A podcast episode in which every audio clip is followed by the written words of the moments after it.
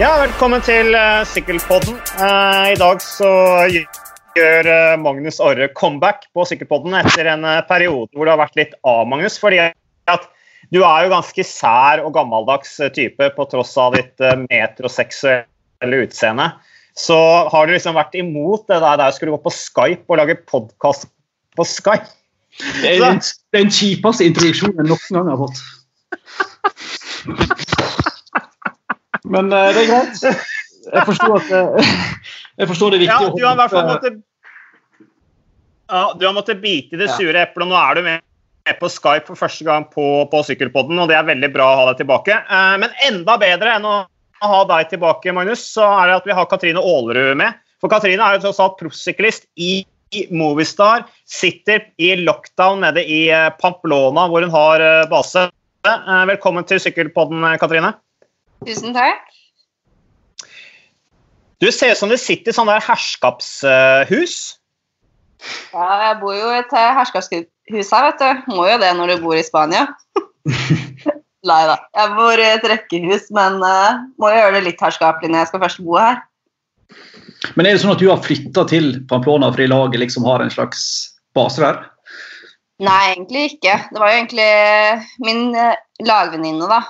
Uh, Paula, som er colombiansk, som bodde her. Hun bodde på et studiehjem, da. så hun var egentlig på utsikt etter et nytt et.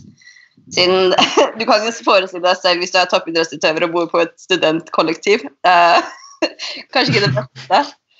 Uh, ja, jeg er veldig fleksibel med det. Så jeg syns det var litt interessant. Og det er jo ganske greit å kunne bo nærme laget og kunne få hjelp, f.eks. hvis du har trøbbel med sykkel eller sånn, og bo nærme Service course. da så jeg så egentlig bare fordel i det. Og så bo med en som er colombiansk, da, så det er jo spansk.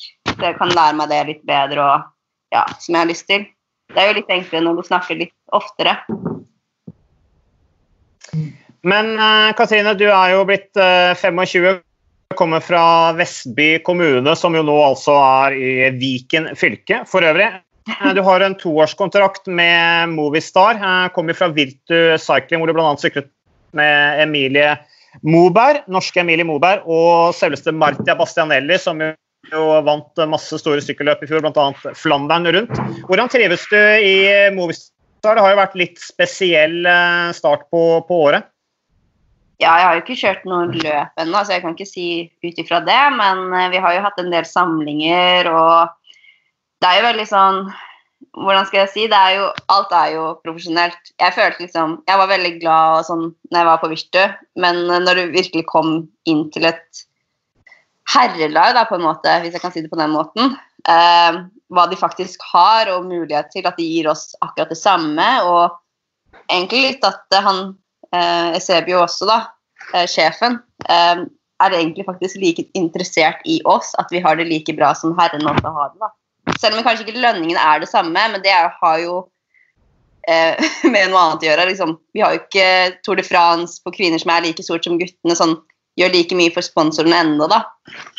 Men eh, ut ifra Ja, jeg tenker på det andre, da, så er jo får vi det samme.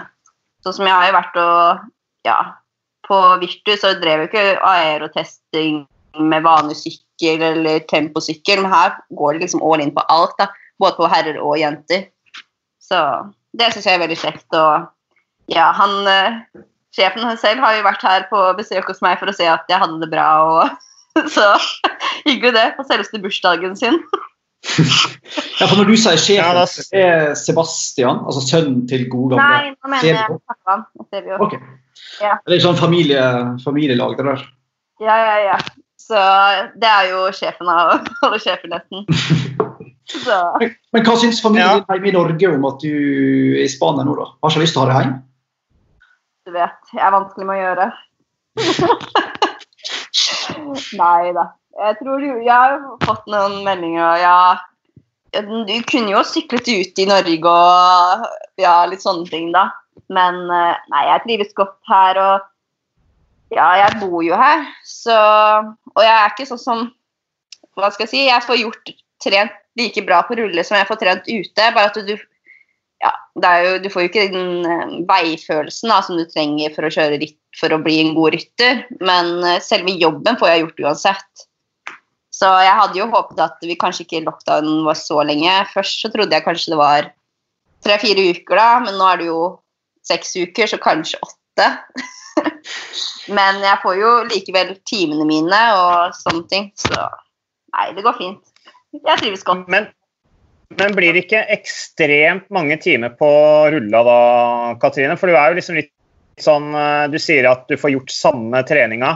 Eh, nå vet du at rytterne nå de kjører grunntrening, for det er, liksom, det er det de kan gjøre. De vet jo ikke når de skal tilbake til konkurranse ja.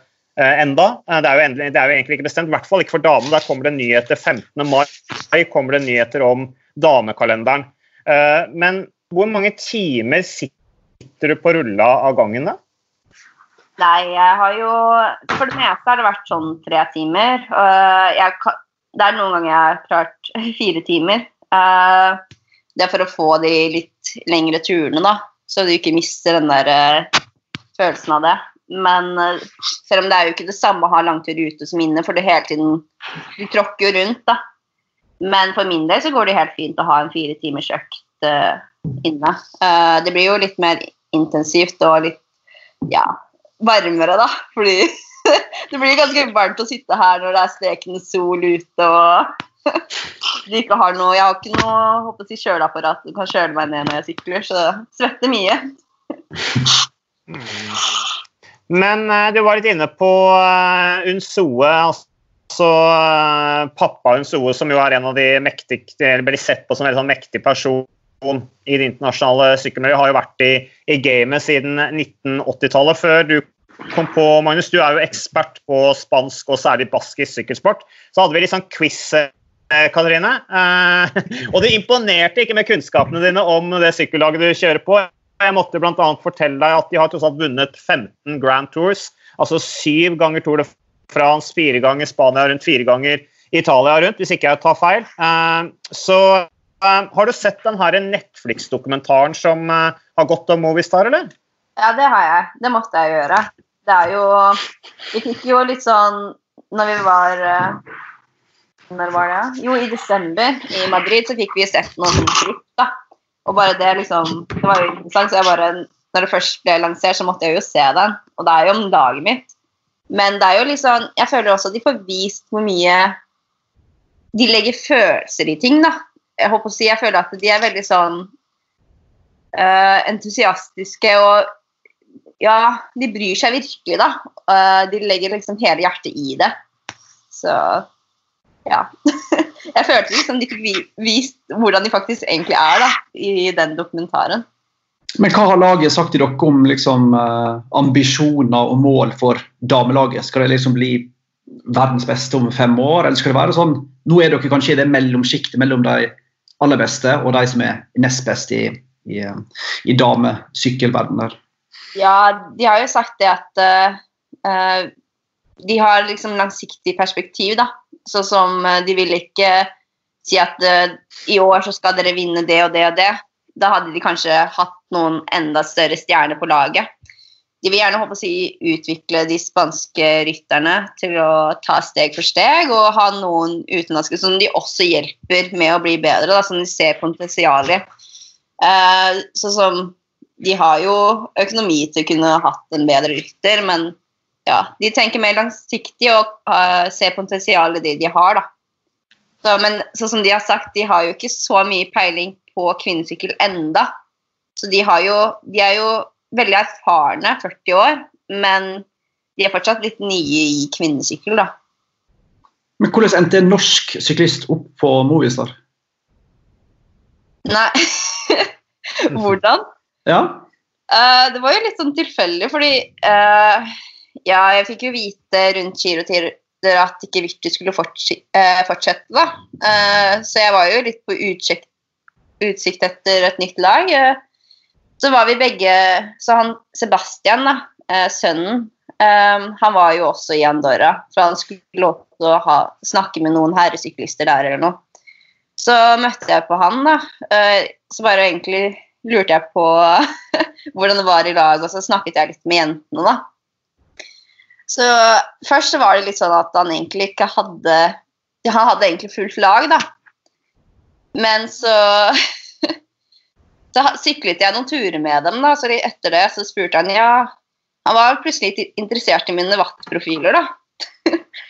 så, så ba han meg sende, sende de, så sendte jeg de, så dagen etterpå så tilbød han meg kontrakt, da. Det, han, var, han sa at jeg kanskje var den mest Jeg var kanskje gråstein som kunne kanskje bli noe skinnende, da.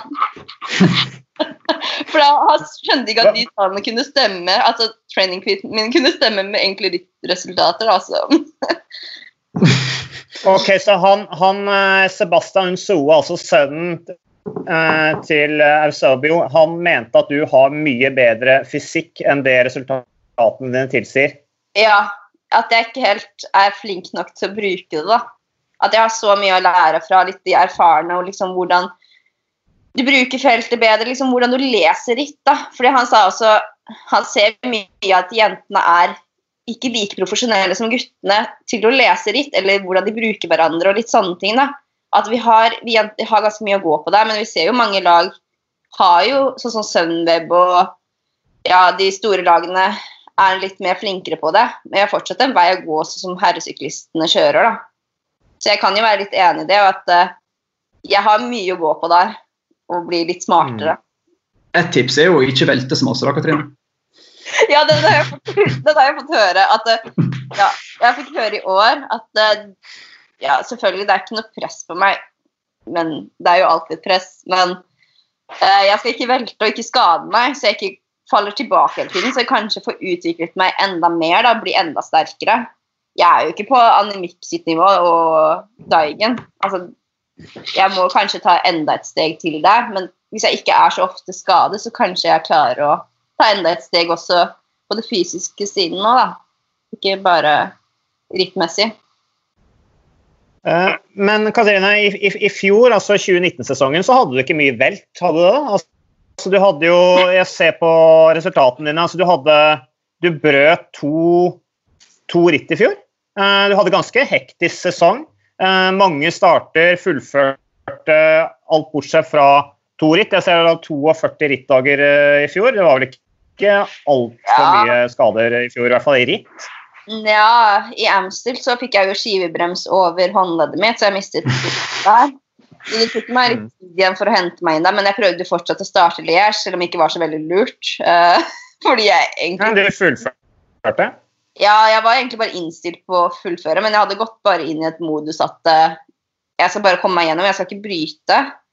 Selv om det ikke var det smarteste. Og så klarte jeg jo I Women's Tour så gikk jeg jo ned en velt der. Um, fikk jo ja, litt kneskålen ut av det, så hele benet mitt hovnet. Så brukte jeg jo litt tid for å hente meg inn til NM, og så ble jeg kjørt ned i NM i siste sving der. Så tok jeg jo et ribbein der. Så startet jeg jo giroen med et rib, knekt ribbein, og så krasjet jeg på recon av et, et time trail der. Pga. gaffelen eh, ikke satt fast i sykkelen, så den forsvant jo under meg i en utforkjøring. Så der brakk jeg et annet ribbein på den andre siden. Så jeg kjørte egentlig giroen med brukket ribbein. Så Eller tips, da. Eh, men, uh, ja. ja. VM så hadde jeg jo i Adesh så ble jeg kjørt ned av en motorsyklist. Så jeg kom jo ikke Så jeg vet ikke.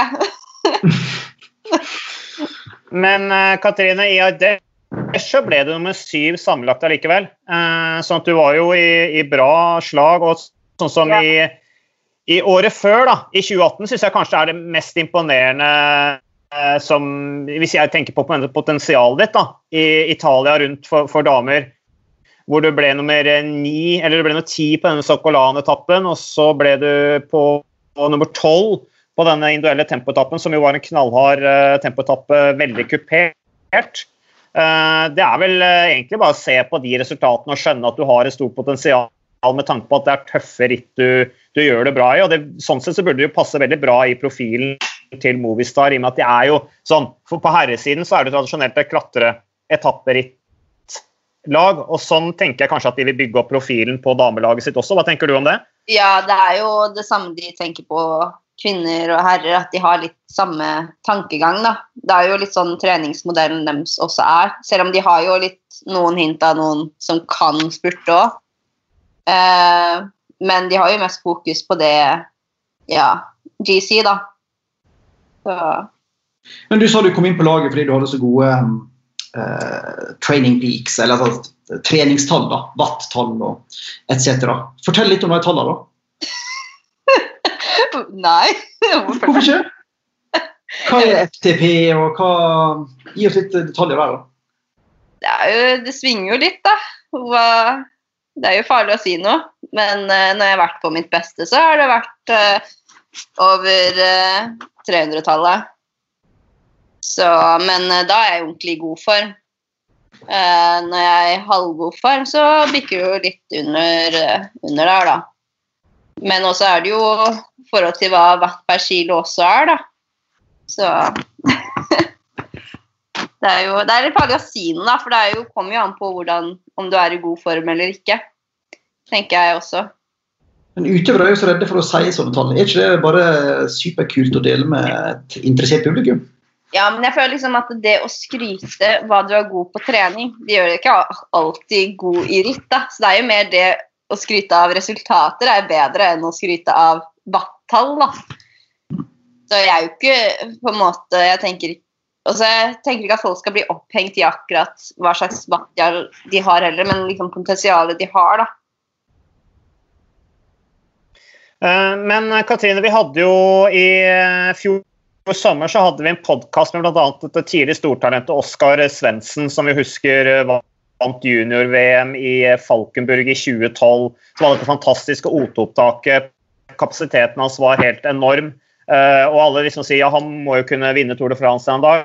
Det gjorde han ikke. Og hans store utfordring var jo det var rett og slett feltkjøring. Mm. Føler du at det er der også du på en måte har størst eh, utviklingspotensial? i det som Du var litt inne på det taktiske, det å kjøre i felt? Jeg føler ikke at det Jeg kan alltid bli bedre, men jeg føler at jeg kan bruke feltet mye bedre enn jeg gjorde i årene før. At jeg lærer hele tiden, ta steg der og sånn. Men det er jo litt det at jeg ikke leser ritten også godt nok. At jeg bruker krefter feil. da. At jeg er liksom en hund som må holdes tilbake noen ganger. At jeg går på feil tidspunkt. Og kanskje ikke går på de riktige stedene, uh, hvis du sier noe. at jeg er litt sånn ja, når de har sett litt sånn profilen min etter å ha kjørt løp, da, uh, så er det sånn Hvorfor har du så mye, brukt så mye energi der istedenfor senere At du ikke har spart på det, da. At du har lyst til å gå At jeg går litt på dumme støt og sånne ting, da. Mm. Jeg, jeg, blir så ivrig, jeg er så redd for at noe skal gå fra meg, så Men jeg, jeg har mye å gå på å liksom være enda bedre på å plassere meg når det smaler seg inn. da. Jeg er jo ikke den med største albuer heller, så jeg kan ikke si at jeg er på Susanne sitt nå, for å si det sånn. jeg tror jeg har mange år å gå der. har ikke de albuene ennå. Okay, så, så det, det, det, du sier, er at Susanne Andersen er, er liksom den beste feltkjøreren i, i Norge på damesida? At hun er den råeste? Jeg vil si det. Hun Hun er liksom ikke frekk hun er liksom øh, stødig og liksom er sikker på det hun gjør, da. Og, for du har jo noen som er ganske frekke, som blir kjent for å være frekke manøvre og ta farlige. Men jeg føler at hun er ganske sånn sikker, og hun beveger seg bra frem, da. Men har skuldrene ute også. Så ja, jeg vil si at hun er en av de beste til å manøvrere seg frem i feltet. Ja. Men er ikke du òg lagkompis eller lagvenninne etter kanskje, med hun hva heter hun? Barbara Guariski? jo. Er ikke hun ganske sånn uh, Jo. Så der, for å si det sånn uh, Når jeg ble nummer ti i uh, 2018, oppsokolan, så hadde jeg hjulet hennes eh, for å få en bra posisjon. Men eh, for å si det sånn jeg fikk jo høre noen gloser, og jeg hadde jeg, Det var nesten så jeg måtte bare lukke øynene og bare stole på at du ikke krasjer, for det var mange ganger at du bare gikk rett i veggen der. For hun bare sniker seg. Det er ikke alltid hun tenker på at du skal ha en bak deg. så det er litt risky noen ganger å følge henne. Hun er litt sånn aggressiv, ja. Men, eh, så det er det jeg mener litt med Susanne, at hun eh, Hun tar ikke farlige avgjørelser, selv om hun kommer seg frem. det er litt forskjellig. Uh, men Katrine, tilbake til koronakrisen som vi er inne i nå. Jeg leste intervju med Ronny Lauke, som er president i denne Unionen for kvinnelige sykkellag. Han er bekymret, det er man jo på herresida og det er jo like mye bekymring der som på damesida, men han er bekymret at lag skal legges ned og at lag må kutte og sånne ting. Og så er han litt inne på dette her med at nå, jo, nå har jo på en måte kvinnelig eh, proffsykling også blitt oppgradert, og det jobbes veldig for å reformere damesykling. Eh, med minimumslønn bl.a. Det er eh, forsikring, helseforsikring i sånne ting. Eh, dette med foreldrepermisjon hvis man skulle bli gravid. Eh, at det, at, det, er noen rettigheter for, for damer. Eh, snakker dere i laget noe om de utfordringene som er nå? Altså jeg tenker på Movistar er jo telefonselskap, så det er relativt safe sponsor, vil jeg anta. Men har du hørt noe fra andre kollegaer om at situasjonen er begynt å bli litt sånn prekær da, ute på ulike lag? Ja, vi har jo opprettet en gruppe nå for oss jenter på worldtour-nivå. Vi har en sånn gruppechat på Telegram uh, som vi har diskutert litt, litt sånn Men uh, det er jo litt mer at det er opp til hvert enkelt lag da, hvordan de går, handler den situasjonen. At, man, at det ikke blir gjort forskjell på kvinner og herrer. da. At de bare kutter ned på det ene laget og ikke det andre. Men det er jo litt mer opp til hvert enkelt lag. Da, sånn som hvis Movistar skulle ha gått ned, så er det veldig viktig at det, det går ned på begge, da, og ikke bare det ene. At de likestiller det, da. Det er jo det som er med i diskusjonen. Men uh, det er jo usikkerhet for alle, håper jeg å si. Uh, du vet jo aldri hva som blir det neste. Men vi fikk jo Vi hadde jo Hver tirsdag så fikk vi beskjed at de hadde snakket med sponsorene, og vi kom ikke til å gå ned i lønn så, for var, de var veldig på å støtte oss gjennom hele ja, perioden. da. At det skal være det samme. Men jeg kan sikkert tro at det er eh, noen som Ja, f.eks. CC, da. De har jo måttet gått ned på både herrer og kvinner, da. Så det er jo likt på begge sider, de, de jeg har hørt om. Men eh, ja. har ikke hørt altfor mye, da. Vi snakket litt med han uh, Carl Fredrik Hagen forrige uke. Ja. Så sa han at han var Eh, allerede nå eh, relativt eh, psykisk innstilt på at blir veldig lenge til neste sykkelritt. Underforstått, som jeg tolker det, at det fort ikke blir sykkelritt i hele 2020. Hva slags innstilling har du? Hva tror du på? Ja, jeg håper å si uh, som vi har, Jeg bare innstilt på det vi har fått beskjed om, da. Uh, vi, først fikk jo når det startet, at vi skulle bare skru tiden tilbake til desember og starte den treningen. Og nå igjen, siden vi vet at det er to måneder til, Eh, kanskje at de starter i juli eller august, så har vi skrudd tilbake til desember. Men du er bare i si, en form at du, eh, hvis det skal åpne opp, da, at du kan være kanskje klar. men det er jo egentlig mer Uh, jeg tenker mer langsiktig, da. For jeg tenker at jeg har lyst til å bli en utøver som uh, skal være sterke på lang tid. Og det jeg har fått beskjed av de òg. At jeg skal egentlig bare tenke langsiktig hva mitt store mål er, og bare utvikle kapasiteten min. fordi på lang sikt vil jeg ønske å bli en bedre klatrer og en sterkere totalt. da. Jeg har jo et steg å Hvis jeg skal ta å si, Anne Mikkel eller ja. Men er det mulig å bruke liksom um kanskje litt teit spørsmål, men er det mulig å bruke koronaperioden til sin fordel? Altså, jeg vil jo tippe at mange har litt forskjellig motivasjon. Uh, mange sikkert, eh, Noen trener sikkert 100 det de skal. Noen sluntrer litt unna og sliter med å sette seg på sykkel mange timer. Er det mulig liksom å, å hente lite forsprang på folk når du kommer tilbake igjen? Ja, det var jo litt uh, jeg, De var, sa til meg da at uh, dette var min sjanse, fordi de mener at jeg er ganske disiplinert. At jeg gjør det jeg skal gjøre. Uh, punkt etter prikk, egentlig. Når de sier at jeg kjører det, så kjører jeg det akkurat på den vatten og akkurat den kadensen de mener jeg skal kjøre. Nesten puleslag òg nå, da. Hvis jeg kunne Men eh, sånn som det var mange de sa at det slet med motivasjonen. Det var mange som ikke hadde faktisk tatt seg i feriemodus. Uh, og de visste at andre, noen ryttere kanskje ble overtrent fordi de trente altfor mye. Men det er jo liksom Man må bare ha troen på at det man gjør, funker, og bare stole på det. Uh, for min del så ja, gjør jeg det jeg får beskjed om, og jeg trives med godt med det, egentlig. Så jeg bruker det bare til fordel uh, og tenker at det jeg gjør, er riktig. Selv om jeg kanskje ikke får veifølelse, så tror jeg ikke at jeg får overtrent så mye på den rullen. Altså at jeg får altfor mange timer. Jeg tror ikke jeg skal gjøre det der 13-17 timer hva de har gjort. Nei, det er sykt. Nei, det blir ikke noe sånn der eh, Du kommer ikke til å gå på noe sånn maratonøkt, sånn kilometerkrig. Men Katrine, jeg lurte på en ting. Eh, nå som du har kommet inn i lag, har du gjort mye endringer på treningsfronten? Nei, det er jo litt det at de, de mener at Det er jo litt De har tankegang at du ikke skal ha like mye De syns vi nordmenn generelt trener mye. Altså, de har fått oppfatning at uh, nordmenn generelt trener mer og litt hardere enn spanjoler, da. Så det er jo litt det at det har gått litt ned på mengde, uh, og litt roligere i desember. Men jeg har jo fortsatt min samme trener som før, bare at han har snakket med de på laget. da. Jeg var veldig heldig som fikk lov til det, for egentlig så skal du ikke det. Men det er sånn, jeg kan snakke mitt eget språk med treneren min.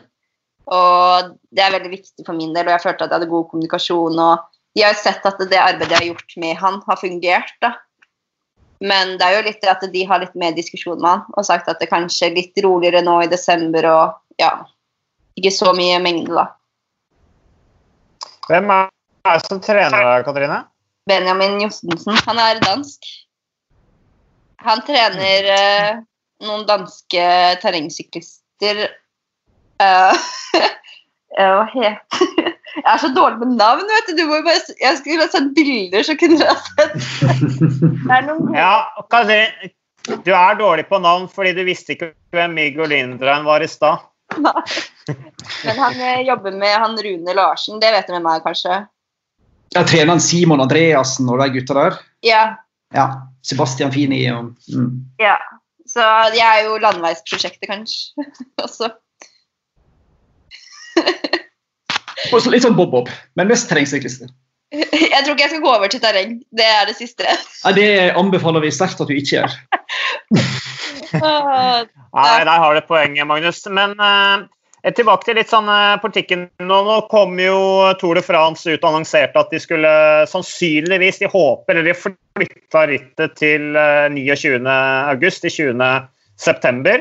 Uh, og så sier de da, kommer det en tilleggsmelding den dagen da fra La Course om at uh, vi kommer med en av dato, sannsynligvis, uh, på når La Course skal gjennomføres. men det er ikke bestemt.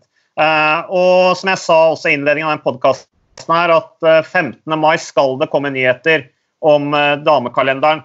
Er du litt sånn Jeg ser at det er noen som blir provosert av det. jeg ser på Twitter bl.a. nederlandske Iris Slapendel, som, som, jo er tidligere prosyklist bl.a. i Cervelo Test-team og Rabobank også. Hun skriver bare 'not impressed', svarer hun. Når det da kommer melding fra UCI om at melding, at, at, vi kommer tilbake til kalenderen til damene. Er du også en av de, de som blir provosert at ikke kalenderen til damene også blir på en måte at det blir presentert en, en plan der, samtidig som det kommer planer for herrene?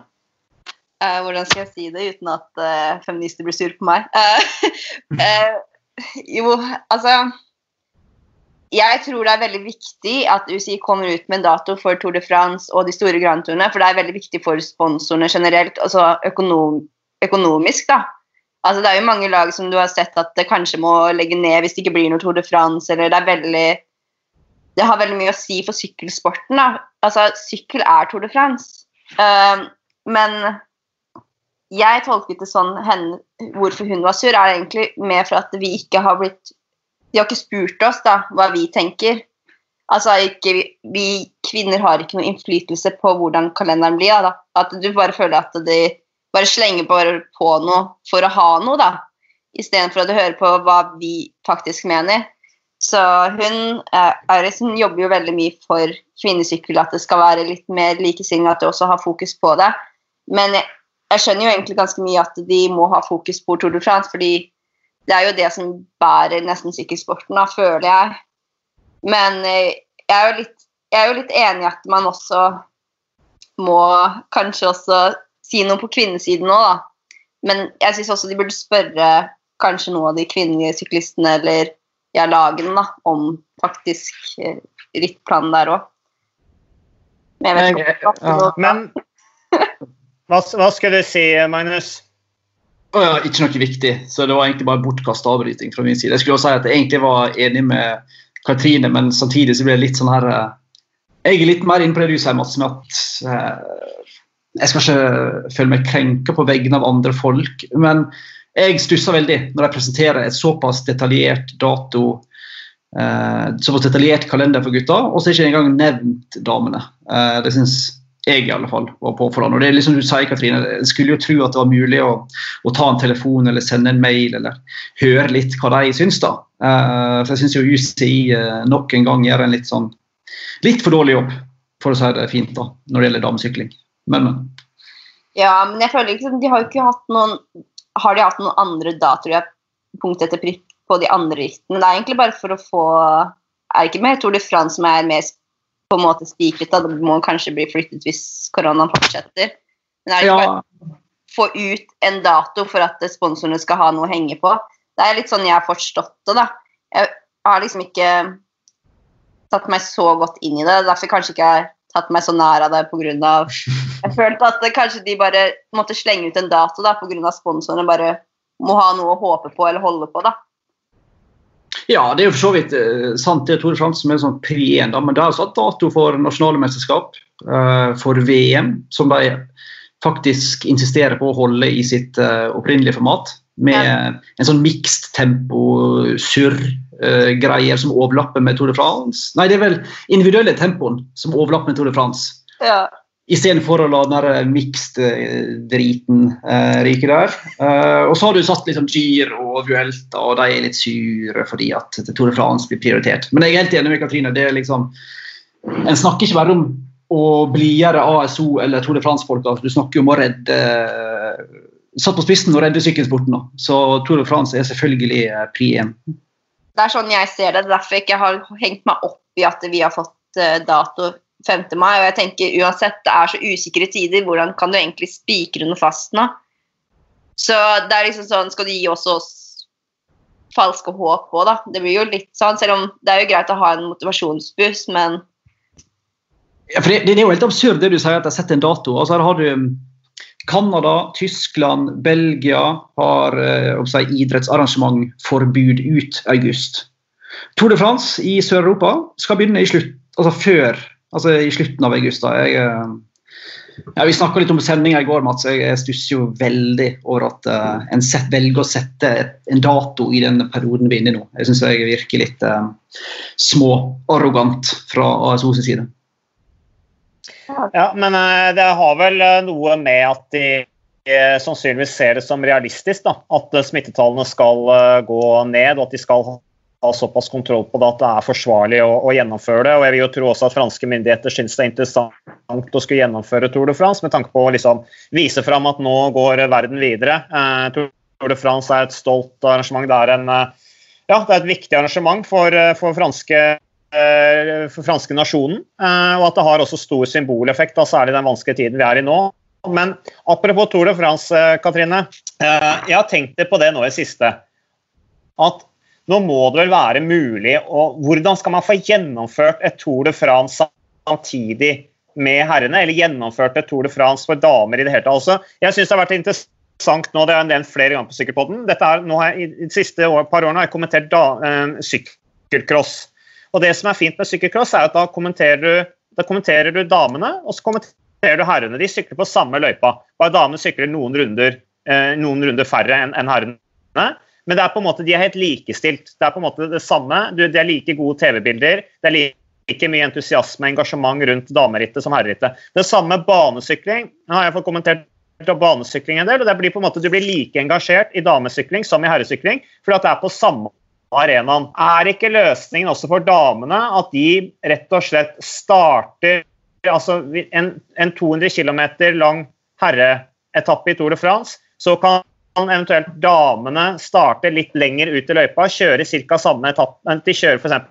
den siste halvdelen som herrene, eh, og at sendinga for herrene slås på når damene er i mål. Det er jo litt sånn det har vært bl.a. i Flush Ballon, hvor det har vært relativt bra TV-dekning i hvert fall i, i noen år da, av, av damerittet. Hva, hva, tenker du om løsningen for å få til Tour de France for damer? For min del, hvordan jeg ser det, de mener jo selv at det kanskje er vanskelig å arrangere både kvinneritt og herreritt samtidig, eh, med tanke på logistikk og litt sånne ting.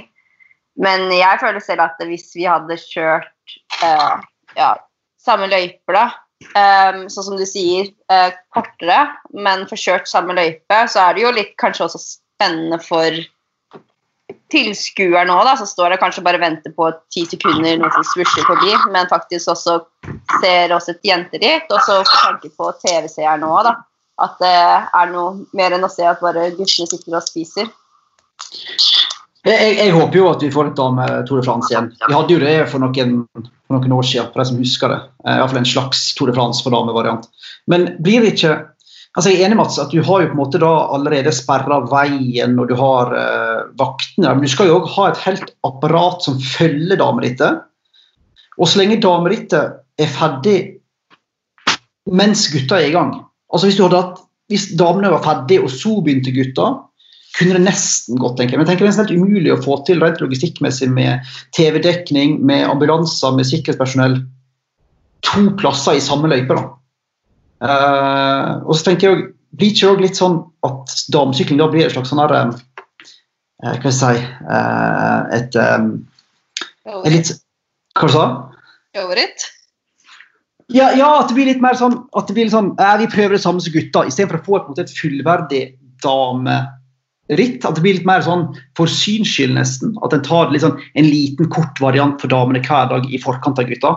Jeg vet ikke, for jeg syns det er sånn la korsrittet litt. At det er mest for å være politisk korrekt. da.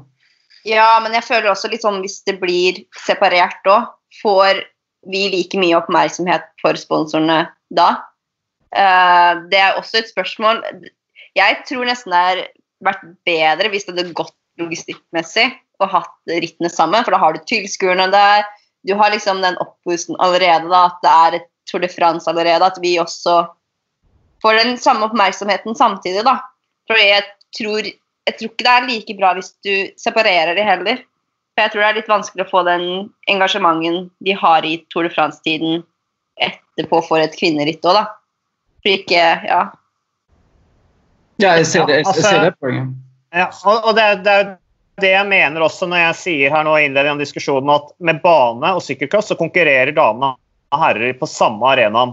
Uh, og, og, logistikkmessig så vil det jo gjøre det lettere, for du har jo TV-kamera, du har jo alt der. Du har gjerda inn løypa, publikum er der. Og istedenfor at vi ser eh, herrerittet fra start til mål, 220 km, seks timers sending, så kan vi se de siste to, to og en halv timene herrene, og så ser vi damene til de går i mål. Og så får vi på en måte action, mye mer intens, intens sykling, da, hvor vi også vier damene med, med, med den, den, oppmerksomheten de faktisk fortjener.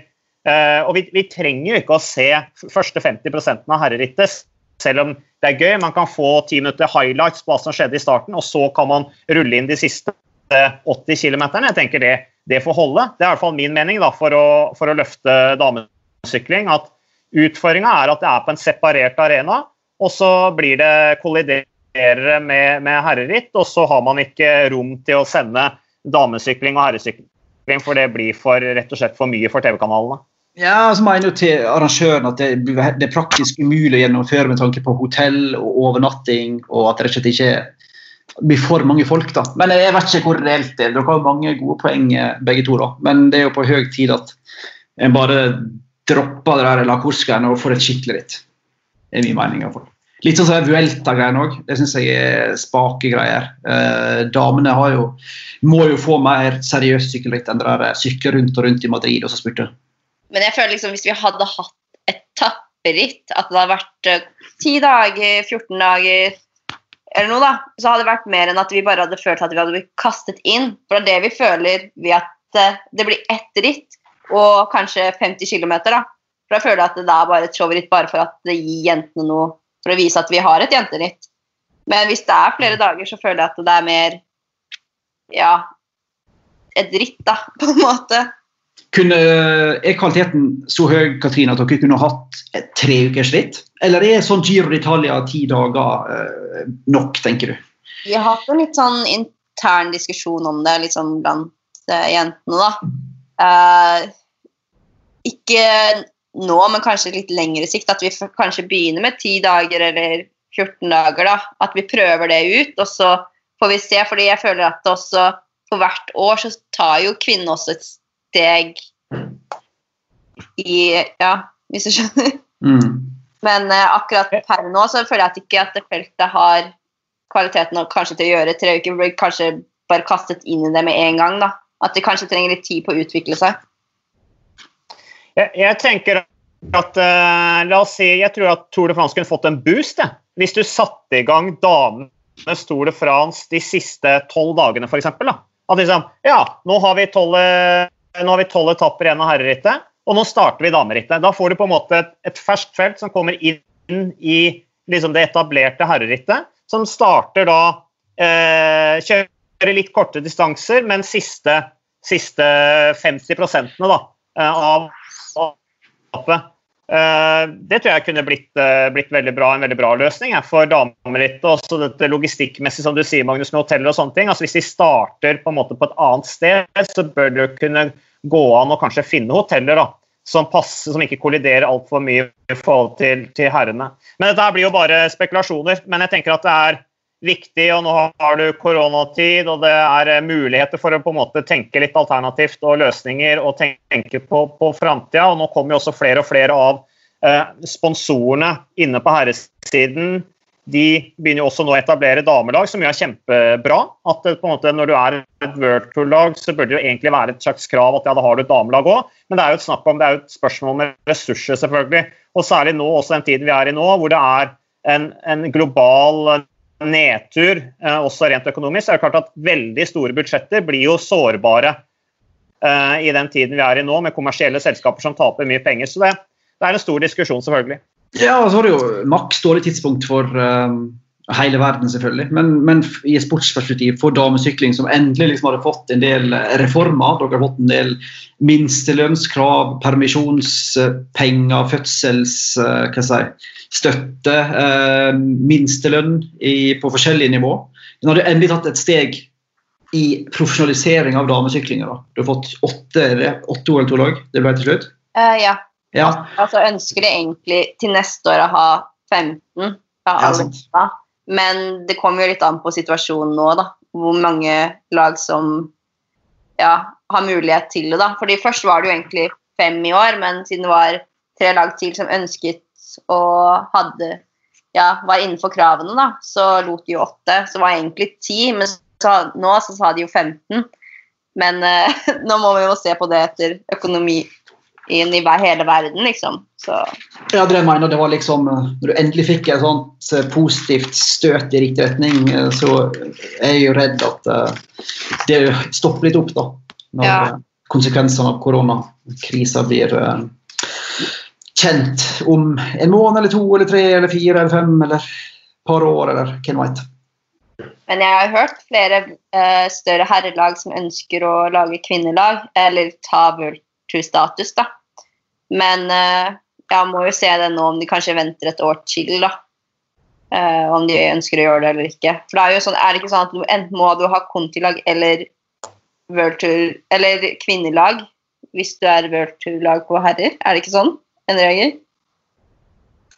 Kan hende jeg tar feil. Det, eh, nå er vi litt ute på glattisen her, eh, Katrine. Jo, men Det var jo som Katrin sa, det var jo oppe et forslag om at alle Tour-lag eh, skulle ha et herrelag på var det minimum pro conti-nivå? Det var et eller annet sånt. Du, du, du er inne på noe, Katrine. Ja. men Jeg husker ikke akkurat detaljene i hva som ble foreslått, og om det ble vedtatt. Ja. Det, helt, det, var mye diskusjon om det, men uh, jeg er ikke helt sikker på om det ble vedtatt eller ikke. Men det, det viktigste sånn som Movistar sa til oss, det var jo at de opprettet ikke kvinnelaget fordi de faktisk følte de måtte, men de opprettet det fordi de ønsket faktisk å ha kvinner. Og de syns vi er litt enklere å ha med å gjøre, for vi klager ikke like mye. de, de herrene det er alltid noe de finner, og vi setter jo pris på det meste. og det er jo Ja, guttene sitter uansett, sier de, så det er litt enklere med jenter. Etter å ja, dere, er vel ikke, dere er vel ikke bortskjemt. Magnus, nå hørte jeg at du ville komme litt inn på denne Movistar-dokumentaren, og vi ble egentlig ikke helt ferdig med å snakke om den, for det er en del som Nå i disse tider hvor det ikke er noe sykkelritt, så er jo sykkelpublikum er jo sultefora på en måte informasjon og engasjement rundt den sporten de elsker. da. Uh, og du Katrine sa at du hadde sett den. Uh, Magnus, du har sett den du som før meg. Jeg har sett den, jeg også. Uh, hva syns du om filmen, Magnus? Jeg syns det var um, sånn terningkast fire, kanskje. Noe i den duren. jeg syns det var litt skuffende um, det at det ikke var mer um, skal vi si, behind the scenes-bilde. Jeg hadde håpet de kom enda nærmere på på hotellrommene og hjemme hos dem. Uh, men på den positive sida så var det ganske gøy å se at Movistar ikke la noen føringer for hva slags krangler og uenigheter som skulle komme med. Det var ikke sånn at jeg gikk inn i ettertid og sa at ikke ta med den eh, kjipe stemninga mellom Quintana og Landa. Ikke ta med at det var Verde sur på Unsue for den håpløse PR-filmen som ble sendt ut i Tour de France i fjor. Så du fikk et ganske godt innblikk i hvor sterke personligheter og hvor dårlig de går overens. Uh, og så får du et veldig Nå får du bare unnskylde meg, eh, Katrine, men jeg syns jo òg Eusebio Unsue, samme hvor uh, fin type han er, han er jo en ekte gentleman, sånn som jeg opplever han. Ja, og samme, og hvilken posisjon han har som en sånn ekstrem maktfigur i sykkelsporten, syns jeg han framstår som en veldig uh, svak leder i møte med sterke personligheter på herresida. Valverde virker til å nesten på egen hånd diktere hva som skal skje, og hvordan det skal skje. Det var mitt inntrykk. Han fremstår som en politiker, syns jeg, Magnus. Eh, mm. Veldig sånn rund i kantene, veldig jovial. Eh, lar andre ta drittjobbene for han, da. Som jo eh, opplagt sportsdirektøren gjør. Du har Pablo Lastras der, som er bare knallhard. Du bare det steinansiktet hvor han slakter rytterne sine i den filmen der. Bl.a. Marc Soler, som jo skal fortsette å sykle på laget, som er fremtiden til laget. Måten han tar Richard Carapaz på og sier at ja, sånne folk vil ikke ha noe med å gjøre, jeg er glad han forsvinner. Han er veldig sånn han, er sånn, han burde vært mafiasjef. Det er liksom sånn, Hvis du gjør noe mot familien, så er du ferdig. liksom, Da hogger vi huet av deg eller kapper deg opp og, og, og, kaster deg i søppelposer. Han er jo utrolig sånn der, beinhard type. Og, og, disse andre sportsdirektørene, hva han heter han der som uh, blir tatt uh, Som er, tar den beslutningen om å kjøre i sidevinden i Spania rundt. Arieta. Ja, Arieta, ja som står og griner ikke sant, og beklager seg overfor rytterne som uh, denne kontroversen i Spania rundt hvor de kjører etter det store veltet som drar ned Primoz Roglic bl.a. Og, og de fortsetter å kjøre, og du har eh, De får, de får øra flagrer av, av konkurrentene. Eh, og som liksom Valverde sier da, ja, det sverte VM-trøya mi. Jeg syns det er ganske mye bra. Du sier altså mer behind the scenes. Jeg tror ikke det er så veldig mye mer å se behind the scenes for en profesjonell sykkelrytter i et etapperitt. Ja. For det er veldig enkelt hva man gjør da. Man står opp, spiser, er på ritt, sitter i bussen fram og tilbake til rittene, og så er det massasje, spise, sove. Du, på, du er på hotellrommet, ser på film, prater med familie. Det er ikke all verdens mye mer, så jeg syns det var ganske åpent innblikk jeg, i hvordan, det, hvordan stevninga er i laget der. Jo, jeg tenkte bare litt på at Vi fikk jo litt innblikk i uh å møte foreldre til Carapaz hjemme i Ecuador og sånt. Jeg skulle gjerne vært litt tettere på liksom, Valverde hjemme i, i villaen nede i Murcia der. Uh, sett litt hvor asketisk landa lever hjemme i Vitoria. Men eh, jeg er enig, det var ganske gøy å se liksom, eh, hvor beinhardt Pablo Lostras var. Bare ga sine egne det glatte dager. Men ser Katrine har lyst til å skyte inn noe. Ja, jeg, jeg, på møter vi hadde Vi har jo online-møter veldig ofte med dem. De er veldig glad i å ha online-møter. Mm. Uh, så da, da, snakket vi jo om denne serien. Så det kan jo hende at de, de, har lyst til å lage mer, da. Som viser litt sånne ting da, som de snakket om, men utenfor å si for mye, så hadde de litt i tankene og kanskje har lyst til å vise andre ting òg, da. Så det er jo kanskje en start på en serie, da. men, men har, har, dere online møte med gutta, Katrine? Ja. Vi er hele laget. Altså, det er kaos, føler jeg. Altså, alt går jo ikke sånn. Det er noen ganger så det hakker det litt, da. Det er sånn, det er, Jeg tror vi er sånn 46 stykker på det online-møtet. og så er det, Sebi han starter jo alltid det, og han snakker veldig rolig. Og, så jeg får jo alt med meg når han snakker. Så har du jo han derre PR-fyren, vet du. Han snakker på innpust og utpust. Det er Men eh, når alle de der spanjolene driver og prater mellom seg, og de begynner å Ja. men, men hvordan er Valverde i gruppa, da? Han er veldig sånn uh, hva skal jeg si, veldig sånn rolig og seg, veldig bestemt. Han vet hva han vil, han er veldig rutinert. Men uh, han er egentlig sånn uh, Innimellom da, så kommer han med sånne her morsomme kommentarer. sånn helt ut av det blå noen ganger. han er veldig sånn, ja. Han er veldig rolig av seg, men ja, du ser jo at han har vært i gamet lenge og er veldig komfortabel med det han gjør. og ja. Og Han skal liksom fortsette i laget, sant? og så er han jo han slår meg som sønnen til Unsue på den måten at han er som du sier, Matt, litt sånn politiker. Det blir jo sagt at Unsue på, på lagmøte i, ja, i forskjellige ritt på kalenderen, det er umulig å snakke til han, for uh, han sier ja til begge parter. Eller sier nei til begge parter. Han er så diplomatisk. da. Han vil montere alle til lags. Og så skubber han litt disse her kjipe beslutningene til kjente Garcia Costa, Lastras eller Areta eller Heimerena eller hva det heter. Men uh, vi får håpe det kommer en sesong to. da. Det hadde vært uh, meget gøy. For jeg kan ikke helt skjønne at Mark Soler skal bære arven etter Ta opp rollen til både Landa og Quintana. Det er stort, store sko å, å fylle på det Movistar-laget? Ja, men det er jo Henrik Mass som skal det, Magnus. Det er jo han som skal ta arven etter disse gutta. Og han har jo blitt henta inn i laget før denne sesongen fra Quickstep. Eh, og har jo ikke rukket å gjøre all verdens, men det, han presenteres jo også på slutten av denne Movistar-dokumentaren som arvtakeren. Eh, og Valverde, sånn som du sier også, Katrine, han, han fremstår for meg som liksom litt sånn Ja, han, han er en sønnen av Unsue. Han har vært i, i, laget siden han gikk ut av Kelme for, på, på, begynnelsen av, av 2000-tallet. Han er litt sånn landsfader da, i, i, det laget som, som redder lagets ære når de andre gutta som skal skinne, svikter. Sånn som vi bl.a. ser i denne dokumentaren med Quintana, som opplever voldsomt press, men ikke etterlever det presset. Landa som begynner å tvile på seg selv, som jo også syns jeg er ganske artig i denne dokumentaren her, hvor åpen Landa er. Om man liksom, du har et utrolig press der på å vinne i det laget, eh, og Landa klarer ikke å vinne. Og så sier han ja, jeg blir aldri en stor rytter, sier han i den dokumentaren. Jeg er god, men jeg blir aldri en av de største. Det sier han jo. Og det sier noe om liksom, den arven som, eh, som, er i det laget, også som vi snakka om i, i, begynnelsen av den podkasten, med historien til det laget, som er et slags sånn sykkeldynasti som ble startet på 1980-tallet, som altså har vunnet 15 Grand Tours. De har, så, de har en enorm eh, sykkelarv eh, i det laget, så du er, i du er en spennende gjeng, Katrine. Ja, jeg ble ganske imponert når jeg kom på kontor med alle de fine trofeene der. Og fine bildene. Men, men, du må lære deg hvem Igor Lindroen er. Vet du hva, jeg, jeg, tror han eh, Sebas han er litt oppgitt over hvor lite jeg kan.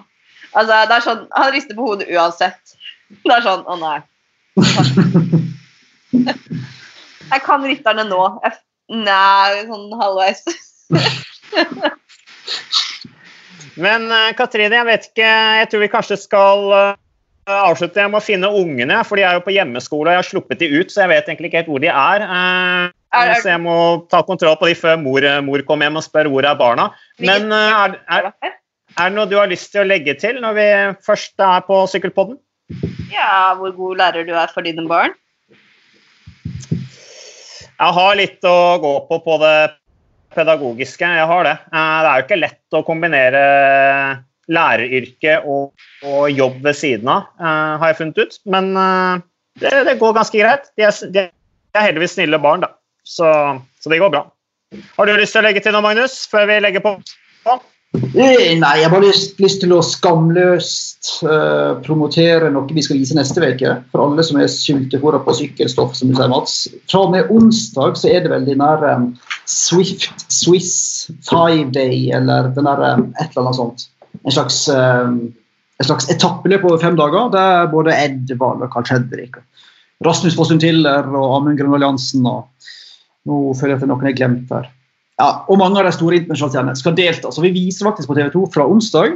Eh, så kan du og Katrine ta rulleturen inn til den sendinga og måle vann mot eh, vann til Fornavmat på skjermen der.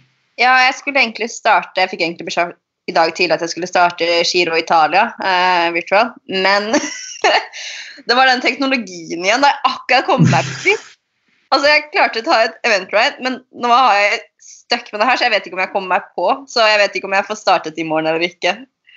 Så jeg har et veldig problem. Høres sånn ut.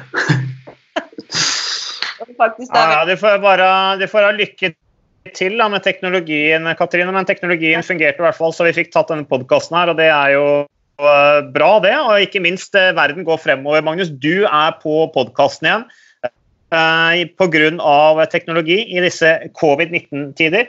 Eh, Da takker jeg for eh, følget både til førstevenns Katrine og til Magnus. Også ønsker jeg lykke til med Swift-løpet, Katrine, og ikke minst treninga fremover mot sesongen, når den eventuelt måtte begynne. Eh, Og så holder vi kontakten, og så takker jeg til alle lyttere for at dere har vært med igjen på Sykkelpodden.